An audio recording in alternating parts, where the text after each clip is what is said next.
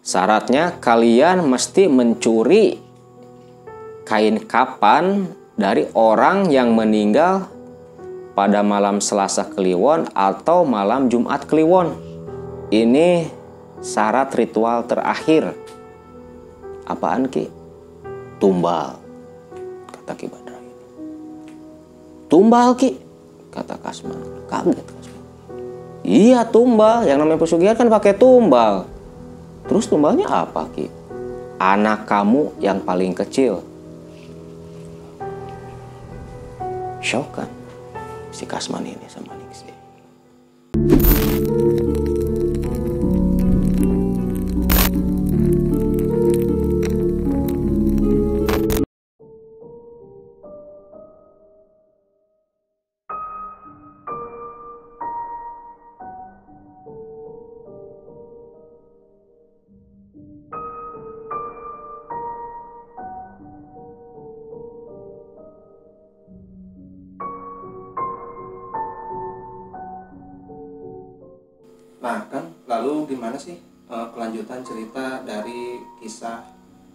Pak Kasman sama Bu Ningsih ini? Apakah dia sukses setelah melakukan ritual itu? Atau bagaimana dengan nasib Citra yang harus ditumbalkan ini Kang? Oke. Jadi di video sebelumnya seperti yang udah teman-teman pada tahu kan si Ki Badra ini bilang bahwa tumbal pertama tuh mesti anak yang paling disayang. Dan kebetulan di sini yang mesti jadi tumbal tuh si Citra. Anak Kasman yang paling kecil. Kasman sama Ningsih kan shock waktu Ki Badra ini bilang bahwa tumbalnya mesti Citra. Tapi seperti yang saya bilang di cerita sebelumnya, ya karena sudah terlanjur. Dan karena ya dorongan keperluan hidup juga kan sudah terlalu lama hidup susah, hidup miskin. Segala ya segala kurang lah. Akhirnya ya Kasman sama Ningsih menyetujui Citra jadi tumbal pesugihan. Setelah Ningsih dan Kasman mengutarakan kesanggupannya ke Ki Badra untuk menumbalkan Citra, akhirnya Ki Badra bilang, "Ya udah, kalau kalian sudah sepakat, Citra jadi tumbal buat pesugihan ini." Nah, setelah itu Kasman sama Ningsih pulang. Karena memang syarat ritual terakhir pesugihan sudah terlaksana. Maksud terlaksana di sini ya udah ada kesanggupan kan bahwa Citra yang menjadi tumbal untuk pesugihan. Kasman dan Ningsih pulang ke rumah hari itu juga. Malam itu juga mereka pulang. Setelah kurang lebih 20 meter dari rumah, Ningsih sama Kasman ini mendengar suara tangisan. Tangisan yang benar-benar menyayat hati dengan suara tangisan yang kencang. Kebayanglah segimana kencangnya kan jarak 20 meter. Kedengaran. Itu kencang banget. Sambil jalan, Kasman ngobrol kan sama Ningsih. Mah, kedengeran nggak? Kayak suara yang nangis. Iya ya pak. Kok nangisnya kok kayak yang jerit-jerit gitu? Coba deh pak berhenti dulu. Nah, berhenti kan. Kasman sama Ningsih ini. Setelah didengar-dengar, kayak yang kenal suara tangisannya. Mah, kok kayak si Dewi ya? Ah, coba dengerin lagi yang bener pak. Tanya si ini. Iya mah si Dewi. Iya ya pak si Dewi. Ayo pak buru-buru. Lari lah. Kasman sama Ningsih ini. ya karena di kampung jarak rumah ke rumah itu kan agak berjauhan jadi eh, karena waktu yang memang malam juga belum ada nggak ada tetangga yang nyamperin ke rumahnya si Ningsih sama Kasman ini. Nah si Ningsih sama Kasman ini lari ke rumah buka pintu. Si Dewi lagi nangis di kamar menjerit-jerit. Manggil-manggil nama si Citra Citra Citra gitu kan. Ya anda bayangin sendirilah orang nangis nyebut-nyebutin nama orang yang meninggal. Seperti apa?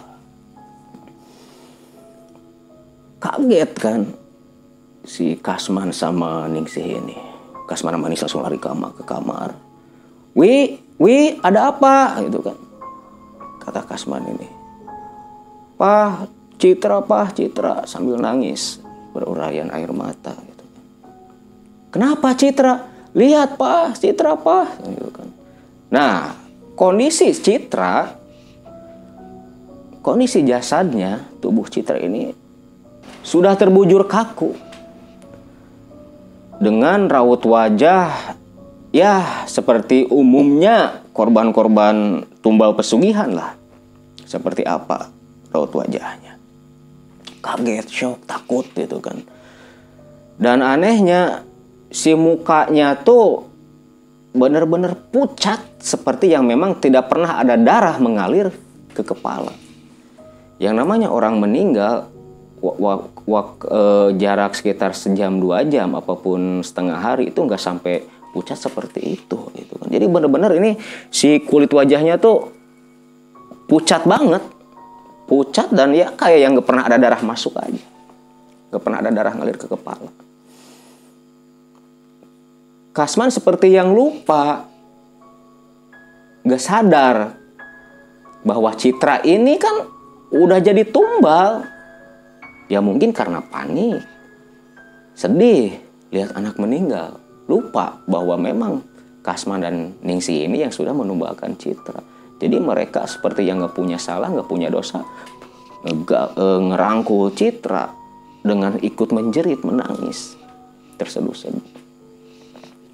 Akhirnya ya karena suara tangisan yang memang kencang, ke, akhirnya mungkin kedengaran juga sama tetangga gitu kan ya namanya malam hari kan apalagi tengah malam e, sepi kan suara seperti itu pastilah sep, gimana jauhnya juga kedengeran nah mulai berkumpul berdatangan tetangga ada apa nih ada apa nih ada apa dari luar tuh kan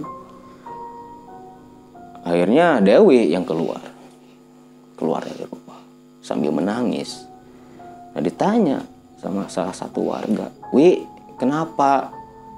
Kok nangis gitu? Mama, bapak juga kedengarannya pak yang teriak-teriak ngejerit-jerit nangis.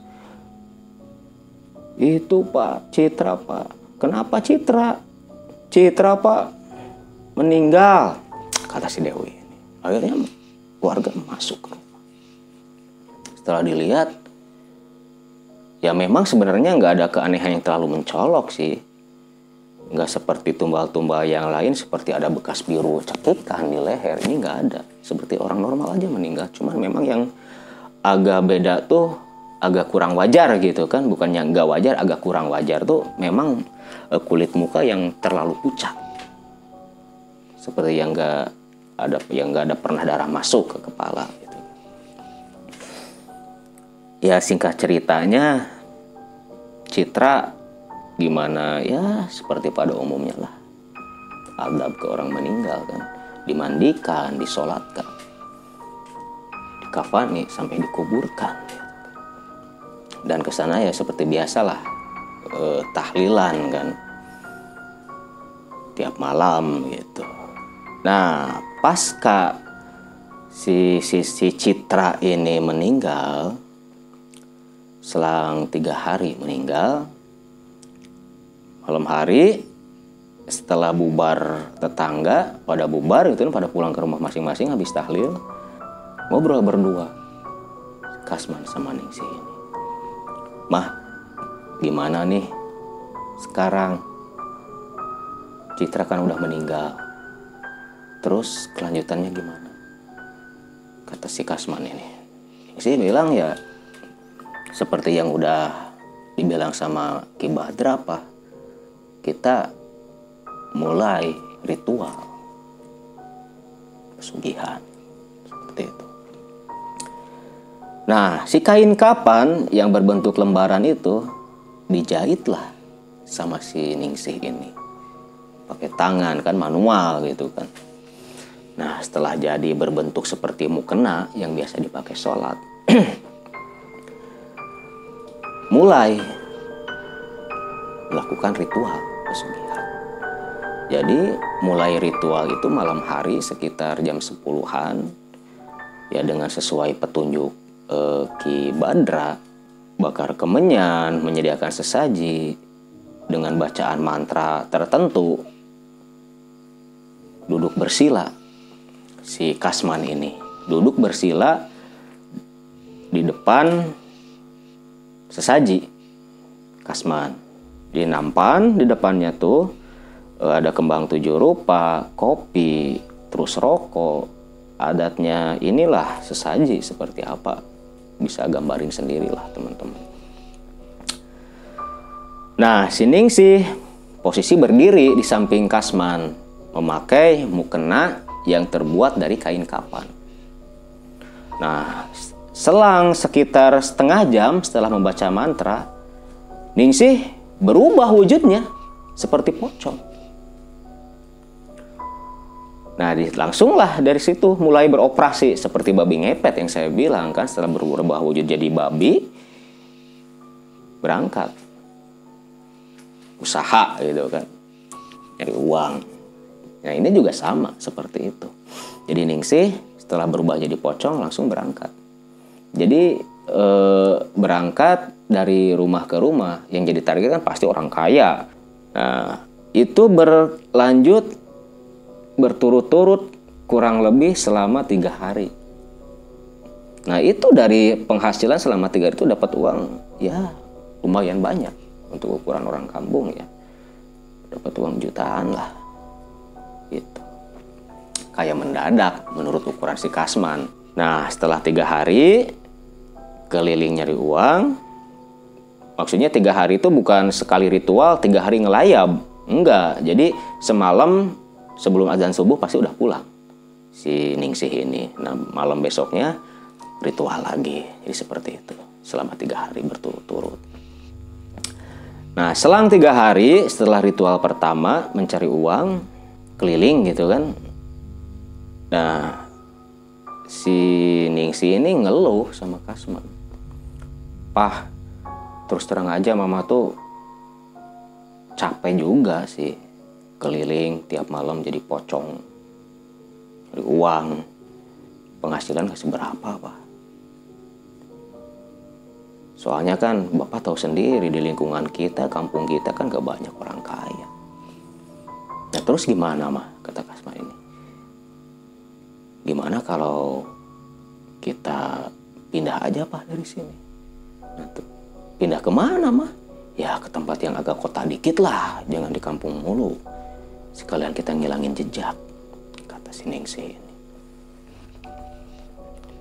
Ya udah tuh mau ke mana? Kita ke kota A aja pak. Pindah. Beli rumah, beli rumah dari mana uang segitu? Ya kita kontrak aja. Terus kalau ada tetangga yang nanyain gimana? Ya bilang aja kita mau ngerantau nyari kehidupan yang lebih baik. Ya udah tuh kalau memang putusan mama kayak gitu. Nah setelah sepakat akan pindah dari kampung itu sini sih sama si Kasman ini. Nah pagi-pagi mereka berangkat ke Kibadra. Istilahnya pamitan lah. Datang ke Kibadra bilang Ki Aki kan tahu sendiri di lingkungan kita kan di sini kebanyakan orang ya sama lah sama saya orang miskin. Jarang orang kaya di kampung ini. Rencananya kita mau pindah nih Ki. Kata si Kasman ini. Pindah ke mana tapi Badra ke kota sebelah Ki. Di kota kan banyak orang kaya Ki kata si Kasman ini. Bisa kan Ki? Bisa bisa. Cuman syaratnya ya sama. Kamu mesti nyediain kamar khusus buat ritual terus catatan cara ritualnya sama aja kan ya sama aja nggak ada perbedaan kata Ki Badra nah setelah bilang ke Ki Badra dan disetujui, disetujui, disetujui juga dikasih izin juga sama Ki Badra sepakat lah. Ulah tekad pindah dari kampung itu. Besoknya beres-beres biasa kayak orang pindahan gimana kan. Cuman ya berhubung memang tinggal di gubuk reot ke perabot juga nggak perabot apaan sih paling lantai tanah kan. Ranjang juga ranjang bambu gitu kan nggak ada yang banyak dibawa. Cuman kebanyakan bawa pakaian. Tetangga kan nanya gitu kan man mau ke mana beres-beres itu? Kayak orang mau pindahan. Ya nih pak. Mau ngerantau ngadu nasib lah coba-coba siapa tahu kan di tempat lain nasib saya bisa robah. Oh gitu. Memang udah bosen tinggal di sini. Bukannya bosen sih pak. Ya namanya juga orang ikhtiar lah gitu kata si Kasman ini. Ya udah tuh memang mau kapan berangkat pindahnya ya sekarang juga sih pak gitu kan. Mau ke mana ya paling ke kota sebelah gitu kan. Kota A. Nah, singkat cerita, setelah berpamitan ke tetangga, tengah-tangga dekat rumah, pindahlah si Ningsi, Kasman, sama Dewi. Keluarga ini pindah. Setelah nyari-nyari tempat buat tinggal, akhirnya dapat tuh kontrakan rumah pinggir jalan. Langsung deh dikontrak setahun. Kontrakan rumah, jadi kalau kontrakan rumah lengkap kan, ruang tamu, kamar, kamar mandi segala macam bukan kontrakan seperti kosan gitu. Kontrak rumah agak gede juga rumahnya dengan tiga kamar, ruang tamu, dapur, dan kamar mandi di dalam. Nah, di sinilah mulai ritual yang benar-benar gitu maksud benar ini dengan praktek yang benar-benar gitu. sungguh-sungguh. Jadi di rumah tuh satu kamar buat Kasman sama Ningsih, yang satu buat Dewi, yang satu buat ritual. Nah posisi kamar ritualnya itu di belakang dekat dapur. Itu jadi agak tersembunyi juga gitu kan. Nah seperti biasa, seperti ritual yang pertama di rumah yang dulu, sama aja nggak jauh nggak ada jauh beda jadi nyediaan sesaji segala macam mulai ritual lagi nyari uang keliling pocong ini sining sih ini pocong perwujudan sining sih ini ya memang apalagi yang namanya di kota kan e, masyarakat tidak terlalu apa e, percaya dengan hal yang sifatnya mistis gitu kan lebih banyak main logika kalau di kota. Jadi uh, memang sempat ini juga sempat apa istilahnya tuh orang-orang sekitar sempat uh, panik juga. Maksud panik di sini ya kehilangan uang lah tiap malam gitu. Dan bukan satu dua. Ya mereka menganggapnya ya kerampokan gitu. Cuman anehnya memang nggak ada tanda-tanda rumah dirampok seperti kunci yang dicungkil pintu yang dikun yang dicungkil atau jendela yang dicungkil nggak ada tanda-tanda masuk rampok gitu cuman uang hilang hilang gitu kan gitu nah itu berlanjut e, dari awal pindah itu praktek seperti itu kurang lebih tiga bulanan. Kurang lebih tiga bulanan. Nah setelah terkumpul cukup uang banyak nah untuk menghilangkan jejak Ningsih dan Kasman itu buka usaha. Buka toko kelontongan untuk menyamarkan lah biar eh, tetangga lingkungan sekitar tidak mencurigai hal-hal aneh gitu kan kan nuduh yang aneh-aneh lah intinya gitu. Buat kedok lah gitu kan buka usaha toko kelontongan di depan kontrakan. Yang nungguin tokonya tuh si Dewi. Seiring berjalannya waktu usahanya ini semakin berkembang pesat. Itu kan. Usaha semakin besar sampai rumah yang tadinya dikontrak itu kebeli sama si Kasman sama Ningsih ini dirombak ulang dibangun dengan lebih megah. Dengan uang hasil pesugihan hasil nyuri gitu kan. Sekian lama lebih dari satu tahun itu perkembangannya memang benar-benar wah gitu. Perkembangan perekonomian itu benar-benar berubah total drastis. Nah satu waktu si Dewi ini kan udah gede kan udah dewasa gitu kan. Lama-lama Dewi juga kan agak merasa aneh. Merasa anehnya kan gini Dewi itu. Jadi seperti yang saya bilang kan di rumah itu kan ada satu kamar yang nggak boleh dimasukin sama dia. Gitu kamar tamu bukan gudang juga bukan. Ada apaan sih di kamar gitu kan? Dewi ini. Awalnya Dewi juga nggak terlalu memikirkan hal-hal yang aneh-aneh cuman lambat laun dengan perkembangan teknologi kan zaman sekarang gitu kan. Dulu juga udah ada jaringan internet kan cuman nggak kayak sekarang sekarang gitu kan. Paling yang bisa pakai cuman orang-orang kaya gitu orang tertentu. Nah Dewi ini ya nyari bukan nyari istilahnya tuh baca-baca gitu kan di internet di blog di segala macam tentang pesugihan lah tentang apa lah dari mulai seperti cerita seperti kita ini. Nah timbullah di sini kecurigaan Dewi ke orang tuanya. Pertama, yang tadinya benar-benar hidup miskin, terus bisa punya banyak uang dengan ya berapa sih penghasilan? Istilahnya toko kelontong laba dari satu barang juga ya. Kayak rokok kan paling seribu di sebungkus gitu. Kok ini dari hasil usaha toko kelontongan bisa sampai buka cabang usaha gitu kan. Buka toko lagi sampai bisa beli rumah dalam waktu yang relatif singkat gitu. Dewi ini berpikir seperti itu.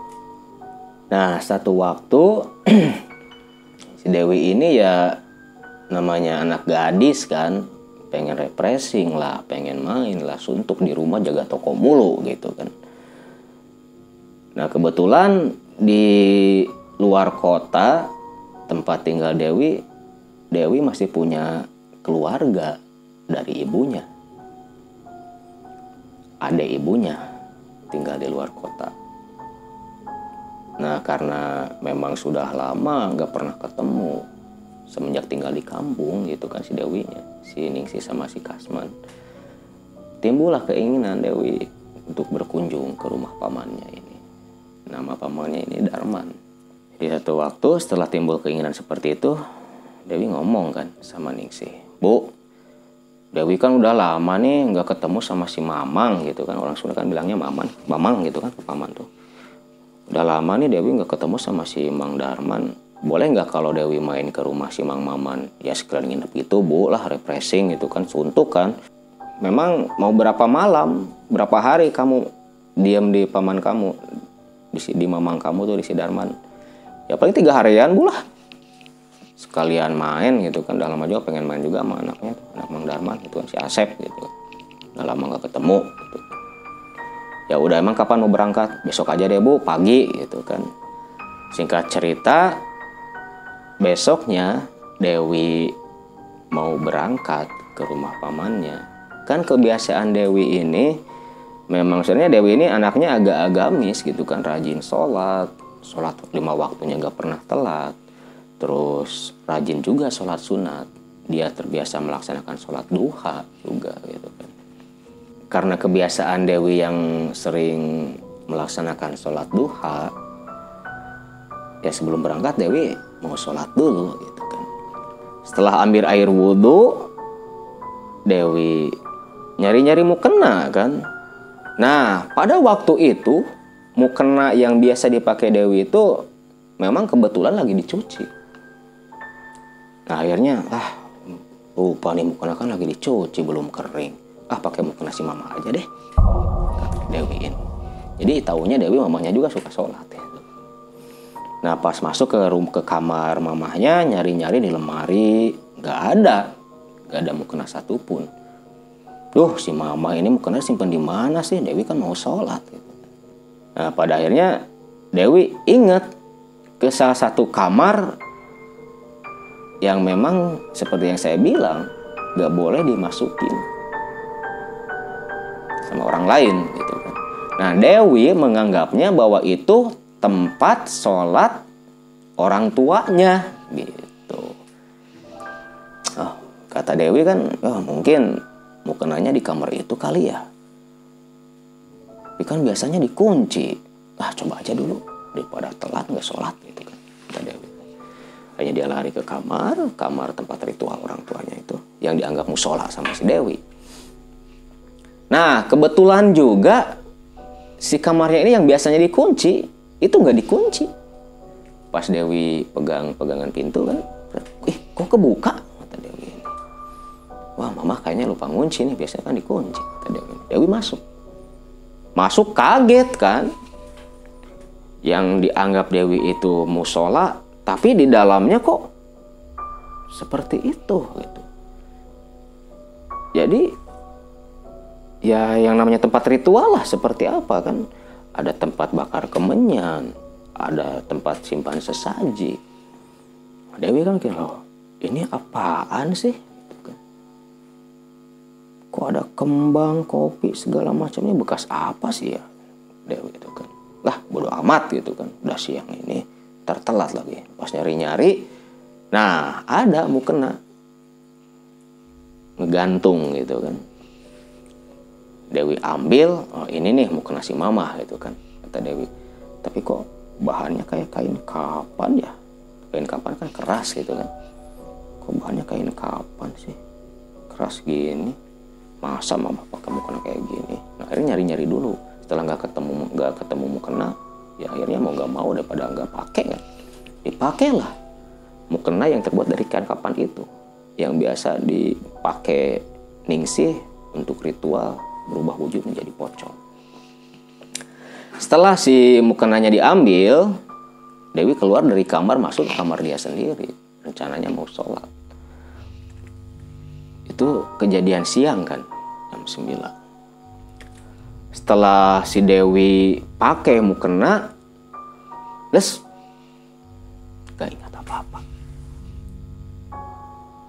Gak ingat apa-apa menghilang. Ya karena ya seperti yang saya bilang e, mukena yang terbuat dari kain kapan itu merubah wujud si pengguna mukena menjadi pocong dan tidak terlihat oleh mata kas olah e, tidak terlihat oleh mata telanjang. Tak nampak kasat mata gitu. Menghilang Dewi ini. Dan dia pun udah nggak ingat apa-apa. Nah si setelah menjelang malam karena memang biasa ritual terus kan si Ningsih sama si Kasman ini. Pas mau ritual mukena nggak ada.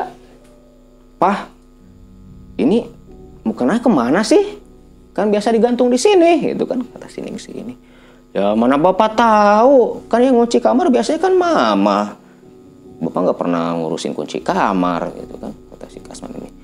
Ke mana ya pak kalau nggak ada mukena kan kita nggak bisa praktek dong, nggak bisa ritual. Terus gimana dong? Ya gimana lagi ya tuh? Aneh juga sih. Apa mungkin diambil sama Dewi? Ya ngapain Dewi ke sini kan udah tahu Dewi kan nggak bolehin masuk sini. Nggak ada yang bisa masuk sini, nggak ada yang boleh masuk sini kecuali kita berdua apa kata Ningsih. Gimana tuh mah? Ya udah deh, malam ini kita istirahat aja. Coba deh kita besok ke Kibadra udah lama juga kan gak silaturahmi ke Kibadra gitu. Sekalian nanyain ini kain, kain kapannya ke mana gitu. Nah singkat cerita paginya si Kasman Amaningsi ini berangkat ke rumah Kibadra sekalian pulang kampung juga sekalian silaturahmi. Soalnya pasca pindah itu belum pernah nemuin lagi Kibadra Ningsih sama Kasman ini Nah setelah sampai ke rumah Ki Badra, oh, yang dulu jalan kaki bawa mobil kan, keluar turun dari mobil.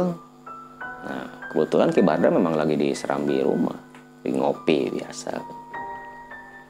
Wih, kirain siapa yang bawa mobil? Kamu man, sih, gitu kan, kata Ki Badra. Tumben nih udah lama nggak ke sini udah kayak lupa sama Aki ya kata Ki Badra udah sini sini masuk ada apa? Masuk biasa ada apa nih tumben kalian sini? Kata Ki Badra gini Ki kata si Kasbar ini. Kain kapan yang biasa dipakai buat ritual tuh hilang Ki. Nggak ada. Loh kok bisa hilang? Gitu kan. Ya makanya saya datang ke sini kan mau nanya nih sama Aki. Aki kira-kira tahu nggak ke mana tuh kain kapan aduh kata Aki Badra ini. Ke mana ya? Ya udah dah Aki terawang dulu dah kata si Ki ini. Nah setelah ya gimana aja dukun dukun nerawang gitu kan kalian bayangin sendiri aja. Setelah diterawang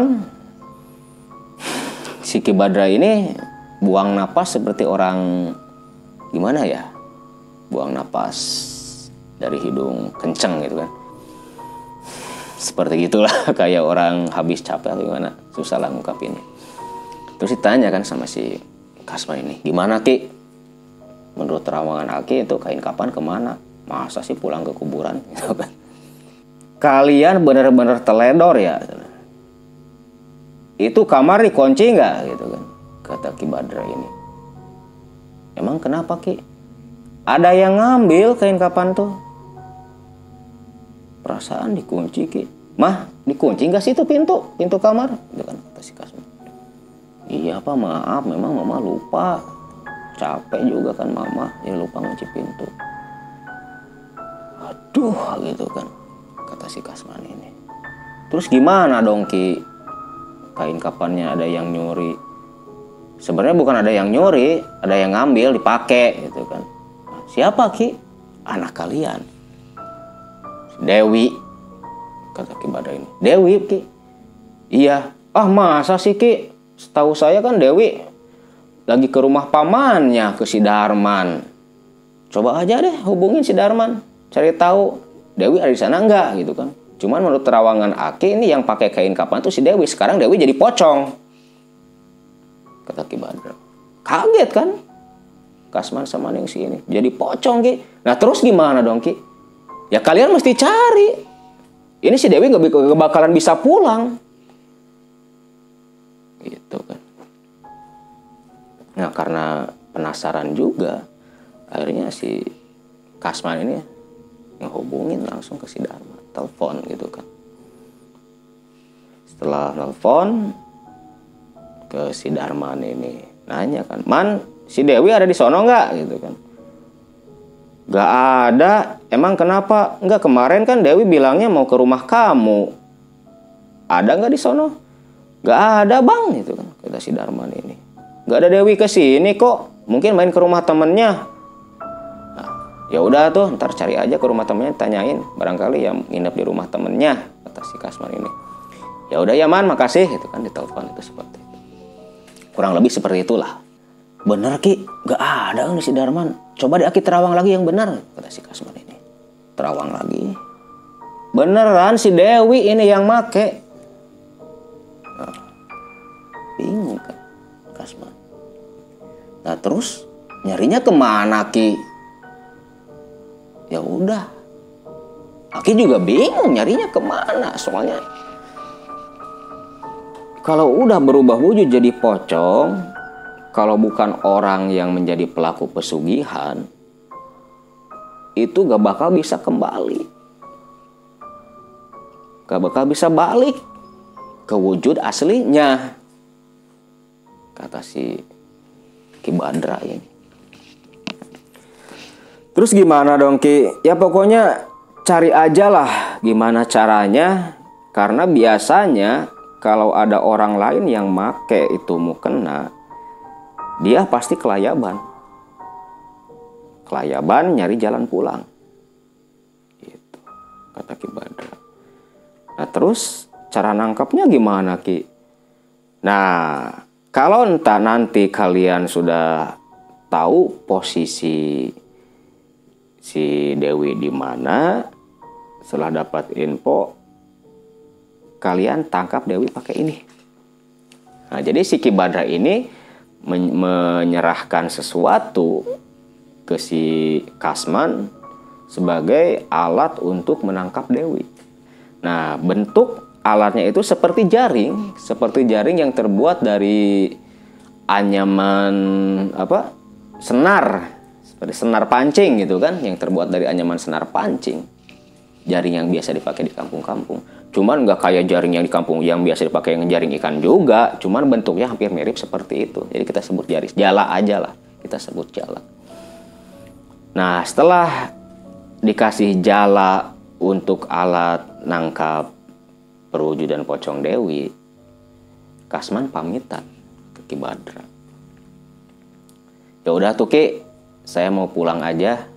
Sekalian nyari-nyari info sambil ngutus anak-anak deh buat nyari Dewi. Kasman ini ya udah, kau udah ketemu langsung bawa ke sini. Teraki yang urus. Ya Ki, siap. Kata si kata si Kasman ini. Singkat cerita pulang lah si Kasman sama Ningsi ini ke rumahnya. Nah, setelah sampai rumah, Ningsi nanya kan sama Kasman ini. Pah, nyarinya gimana? Gitu kan. Ya udah, ntar bapak manggil si Rustam suruh nyari Dewi gitu kan. Nah, si Rustam ini salah satu karyawannya si Kasman sama Ningsi yang pegang toko cabang gitu kan. Seperti saya yang bilang kan perkembangan usahanya pesat sampai buka cabang beberapa daerah. Nah, si Rustam ini kebetulan salah satu orang kepercayaannya si Kasman dan kebetulan juga ada ikatan saudara sama si Kasman ini. Jadi masih sepupunya si Kasman Rustam ini. Tangan kanannya Kasman. Nah, setelah dipanggil, Rustam datang. Sore lah Rustam datang ke rumahnya Kasman sama Ningsi ini. Ada apa nih Kang? Tumben-tumben nyuruh ke rumah. Sini dulu Tam Akang ada perlu nih sama kamu. Ada apa ya Kang? Kata Rustam ini kan. Gini Tam. Nah kebetulan si Rustam ini tahu bahwa Kasman dan Ningsi ini pakai pesugihan pocong gitu kan. Karena memang Kasman ini memang cerita ke Rustam gitu kan. Nah sebagai imbalan tutup mulut Rustam dikasih pegangan toko gitu. Pegang cabang toko ya kebetulan masih saudara dekatnya juga ini aman lah kerahasiaannya nah, Rustam kan nanya ada apa tumben-tumbenan dipanggil gitu kan gini Tam kamu tahu kan si Ece kan kalau di Sunda ke kakak istri kan Ece nyebutnya kan si Ece kan kalau mau berubah jadi pocong waktu ritual itu kan pakai kain kapan yang kayak mukena itu Ya terus, nah itu mukena dipakai sama si Dewi. Kata Kasman ini. Yang bener Kang. Iya. Ya elah, teledor amat sih Kang bisa sampai dipakai si Dewi. Ya gimana lagi, udah kejadian tam. Gitu kan. Terus gimana dong Kang? Itu kan kata Rustam. Pokoknya kamu cari-cari info dah. Pasti ini si Dewi pasti kelayaban ya kelayaban bisa disebut gentayangan lah kelayaban gimana Kang ya kayak orang gentayangan lah kayak pocong gentayangan nyari-nyari rumah itu pasti ada informasi lah. Pokoknya kalau udah dapat info kamu langsung ke sini. Kata si Kasman ini. Nah pulanglah Rustam. Setelah mendapat mandat perintah dari sepupunya untuk mencari info keberadaan si Dewi pocongnya Dewi ini. Nah, pasca hilangnya Dewi berubah wujud jadi pocong, memang di beberapa tempat gempar. Gempar ada sosok pocong ngetok-ngetok rumah. Itu. Dan anehnya, rumah yang didatangin sama pocong itu yang bercat dinding warna biru. Karena memang kebetulan rumahnya si Kasman ini cat dindingnya warna biru. Gitu. Jadi mungkin eh, istilah eh, pandangan saya gitu, pendapat saya si pocong perwujudan Dewi ini mau pulang ingin kembali tapi nggak tahu jalan pulang kayak lagu ya nggak tahu jalan pulang nggak tahu jalan jalan pulang cuman taunya bahwa rumahnya itu pakai cat warna biru nah makanya tiap rumah yang pakai cat biru waktu itu didatangin sama pocong itu banyak sampai kalau sekarang sebut viral lah gitu kan cuman nggak terlalu jauh juga masih eh, di kota si Kasman gitu kan. Nah, karena memang sudah banyak kejadian rumah-rumah bercat biru didatangin sama pocong, akhirnya kan menyebar dari mulut ke mulut. Nah, sampailah satu waktu, waktu nungguin toko, si Rustam dengar pembeli lagi ngomongin pocong sama karyawannya di toko itu. Kang, Tahu nggak, sekarang kan lagi musim pocong keliling tuh. Ngetok-ngetok rumah. Oh, yang bener, kata si karyawannya ini. Beneran. Nah, percakapan ini terdengar sama si Rustam. Rustam mikir, oh, apa iya ya? Jangan-jangan si Dewi. Kata Rustam ini. Akhirnya dipanggil lah tuh si pembeli. Bu, bu, sini bu. Kata Rustam ini. Ada apa ya Kang? Sini dulu deh, ada perlu gitu kan. Setelah nyamperin, ada apa kang? Kata si ibu ini. Bener tuh bu, ada pocong keliling ngetok-ngetok rumah. Beneran kang? Cuma anehnya tuh rumah yang didatengin sama pocong pasti deh rumah yang warnanya cat biru. Ah, isilah semakin kuat kecurigaan si Rustam ini. Pasti ini pocongnya si Dewi. Ya udah bu, makasih gitu kan kata Rustam. Nah langsung dah detik itu juga Rustam berangkat ke rumah si Kasman ke rumah sepupunya datang ke rumah Kang Kang gitu kan dari luar tuh nah, kebetulan Rustam eh, si Kasman lagi di dalam lagi di rumah gitu kan lagi keluar. Gimana Tam? Udah dapat info? Udah Kang gitu kan. Emang gimana ceritanya? Gini gini gini ceritain gitu kan bahwa eh, mulai tersebar ada pocong ngetok-ngetok rumah gitu kayaknya beneran si Dewi deh Kang gitu kan kata si Rustam ini bilang ke Kasman. Ya udah deh Tam kalau memang siapa tuh aja benar kalau memang ini si Dewi coba kamu cari teman orang buat nangkep itu pocong itu si Dewi. Nangkepnya pakai apaan Kang? Kita kan nggak bisa nggak ngerti lah urusan gituan. Nih pakai ini. Dikasih lah jala pemberian dari Kibadra si Rustam ini sebagai piranti alat untuk menangkap pocongnya Dewi. Itu. Nah singkat cerita si Rustam si Rustam berangkat nih sama karyawan yang tadi ngomong di toko itu sama si ibu-ibu ke salah satu kampung satu masih satu tempat satu kota sama si Kasman ini ya memang gak jauh kelilingnya gitu kan yang kata si ibu waktu di toko sering ada penampakan pocong ngetok-ngetok rumah nah tengah malam sekitar jam sebelasan si Rustam sama karyawannya ini si Diding gitu kan berangkat ke lokasi yang sering terjadi penampakan pocong tok rumah itu. Nah, setelah sampai di lokasi, si Rustam sama si Diding itu nunggu penampakan pocong di dekat rumah warga, kebun dekat rumah warga gitu kan. Karena info awalnya yang didatengin rumah bercat biru, makanya Rustam mengintai di dekat rumah warga yang memakai cat warna biru. Nah setelah kurang lebih dua jam nunggu gitu kan si Rustam sama Diding ya memang. Sekitar jam 2 dini hari itu ada penampakan pocong tapi nggak ngacelok loh e, nggak loncat pocongnya ini. Biasanya kan kalau di TV atau di taunya orang lah pocong ini kan eh, apa loncat-loncat itu kan jalannya tuh loncat. Ini mah nggak loncat.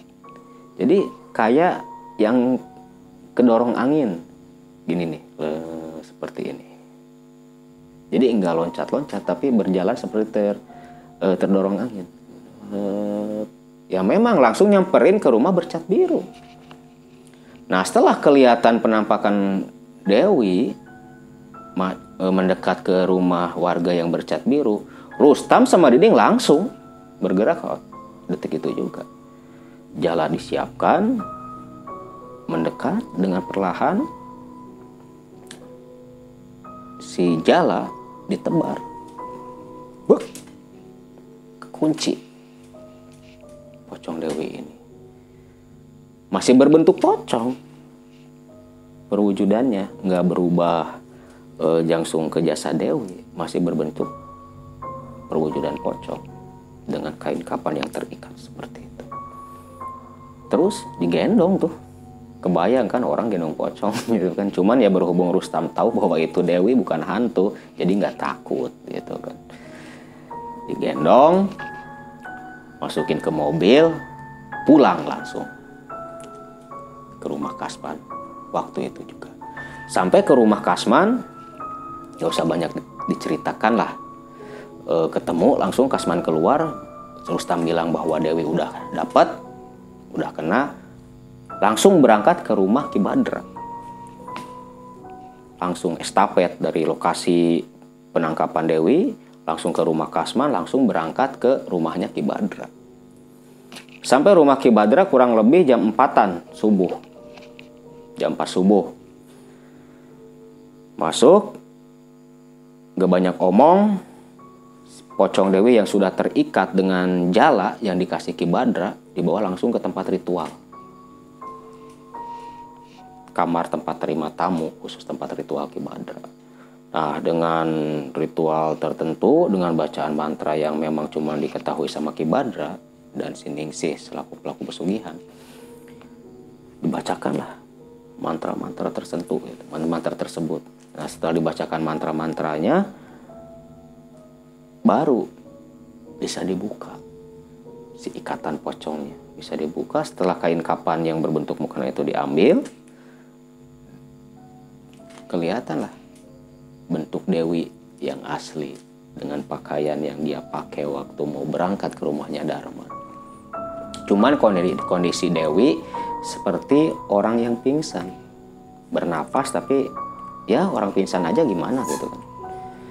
Nah setelah kain kapan bisa dicopot, si mukenanya, si Ki Badra bilang gini, sekarang Dewi bawa pulang setelah sampai rumah air ini itu kan Ki Badra bawa air di kayak botol aqua tuh botol plastik. Air ini kamu siramkan ke tubuh Dewi. Terus gimana setelah itu Ki? Kata si Kasman ini. Nah setelah nanti airnya ini disiramkan Dewi pasti sadar. Bangun dia dari pingsannya. Sadar dari pingsannya Iya Deki, kata si Kasman ini. Gak banyak omong, langsung bawa lagi si Dewi ini ke rumah Kasman. Setelah sampai rumah, masuk kamar, kebanyak omong, Dewi ditidurkan di ranjang, si air yang dari yang di botol plastik itu disiramkan ke Dewi sampai habis. Nah, anehnya memang setelah air itu disiramkan, Dewi bangun. Bangun dengan kondisi seperti orang bangun tidur. Pah, di mana ini pah? Kata Dewi itu. Di mana aja orang bangun tidur? Kok Dewi ada di sini sih? Perasaan kan Dewi mau sholat tadi. Padahal itu kejadian dari pas pakai mukena. Dari kain kapan sampai Dewi bangun dari pingsan. Itu kurang lebih setengah bulan jaraknya tuh. Tapi perasaan Dewi baru tadi gitu kan. Ya seperti yang saya bilang di awal, setelah Dewi berubah jadi pocong, dia seperti orang hilang ingatan. dengan kondisi fisik tertidur seperti itu nggak tahu lah itu yang menggerakkan Dewi uh, keliling ke sana sini nggak tahu siapa gitu. tapi yang jelas setelah Dewi pakai mukena dari kain kafan dia berubah jadi pocong mulai uh, teror pocong keliling itu. Ngetok-ngetok rumah bercat warna biru. Setelah Dewi sadar seperti yang tadi diceritakan Kasman bilang gak apa-apa. Kamu kan mungkin kecapean jadi langsung tidur gitu. Udah Dewi nggak banyak curiga. Dia tidur lagi. Tidur lagi ya memang mungkin karena kondisi fisiknya yang capek dengan pakaian yang basah pun dia tertidur. Nah siang hari Dewi bangun jam 8 siang bangun ya seperti yang gak terjadi apa-apa aja. Biasa-biasa aja gitu kan kondisi Dewi ini. Makan biasa ke warung di toko gitu kan. Dia seolah-olah lupa kejadian-kejadian ke belakang. Yang memang karena memang dia dalam kondisi tidak sadar. Nah kan setelah itu kelanjutan dari pesugihan yang dijalani orang tua si Dewi ini gimana kan nah pasca kejadian Dewi berubah jadi pocong itu anehnya usaha ayah ibunya itu menurun. Pertama penghasilan menurun cuman lambat penurunnya itu cuman karena terlalu lama-lama menurun menurun menurun sampai ada beberapa cabang yang dilepas dijual gitu.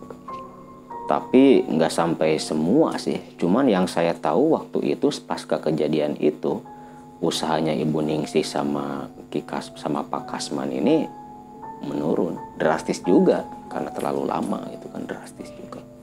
Sampai yang tadinya punya beberapa cabang tinggal yang masih dia pegang cuman berapa biji berapa toko gitu. artinya berarti pesugihan ini mungkin masih berlanjut ya Kak? Mungkin masih berlanjut, soalnya yang saya tahu waktu itu cuman sampai kejadian menurunnya usaha si Ibu Kasih, Ibu Ningsi sama Kasman ini. Setelah kejadian Dewi berubah jadi pocong. Tapi saya kira kayaknya sampai sekarang juga masih sih, masih ada, masih berjalan. Cuman nggak tahu juga apakah udah pulih seperti dulu apa enggak gitu kan. Saya cuman tahu sampai situ doang. Nah, Kang, uh, ceritanya dari awal sampai akhir uh, panjang banget ya dan tentunya sangat menarik sekali.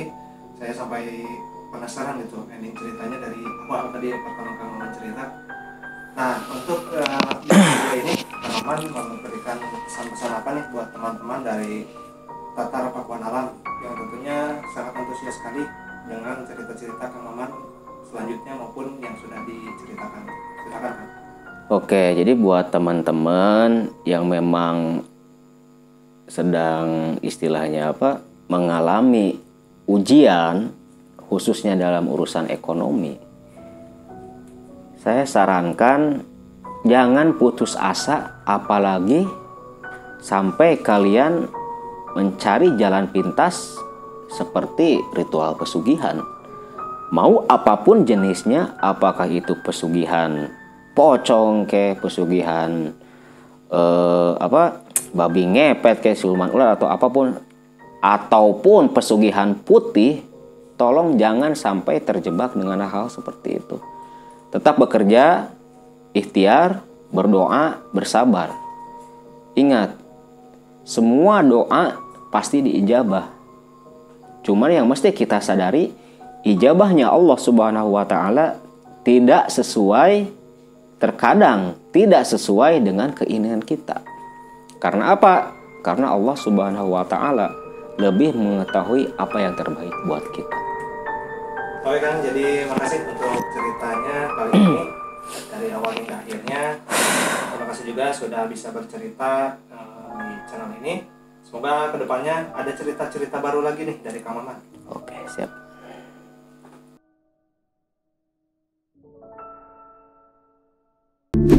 you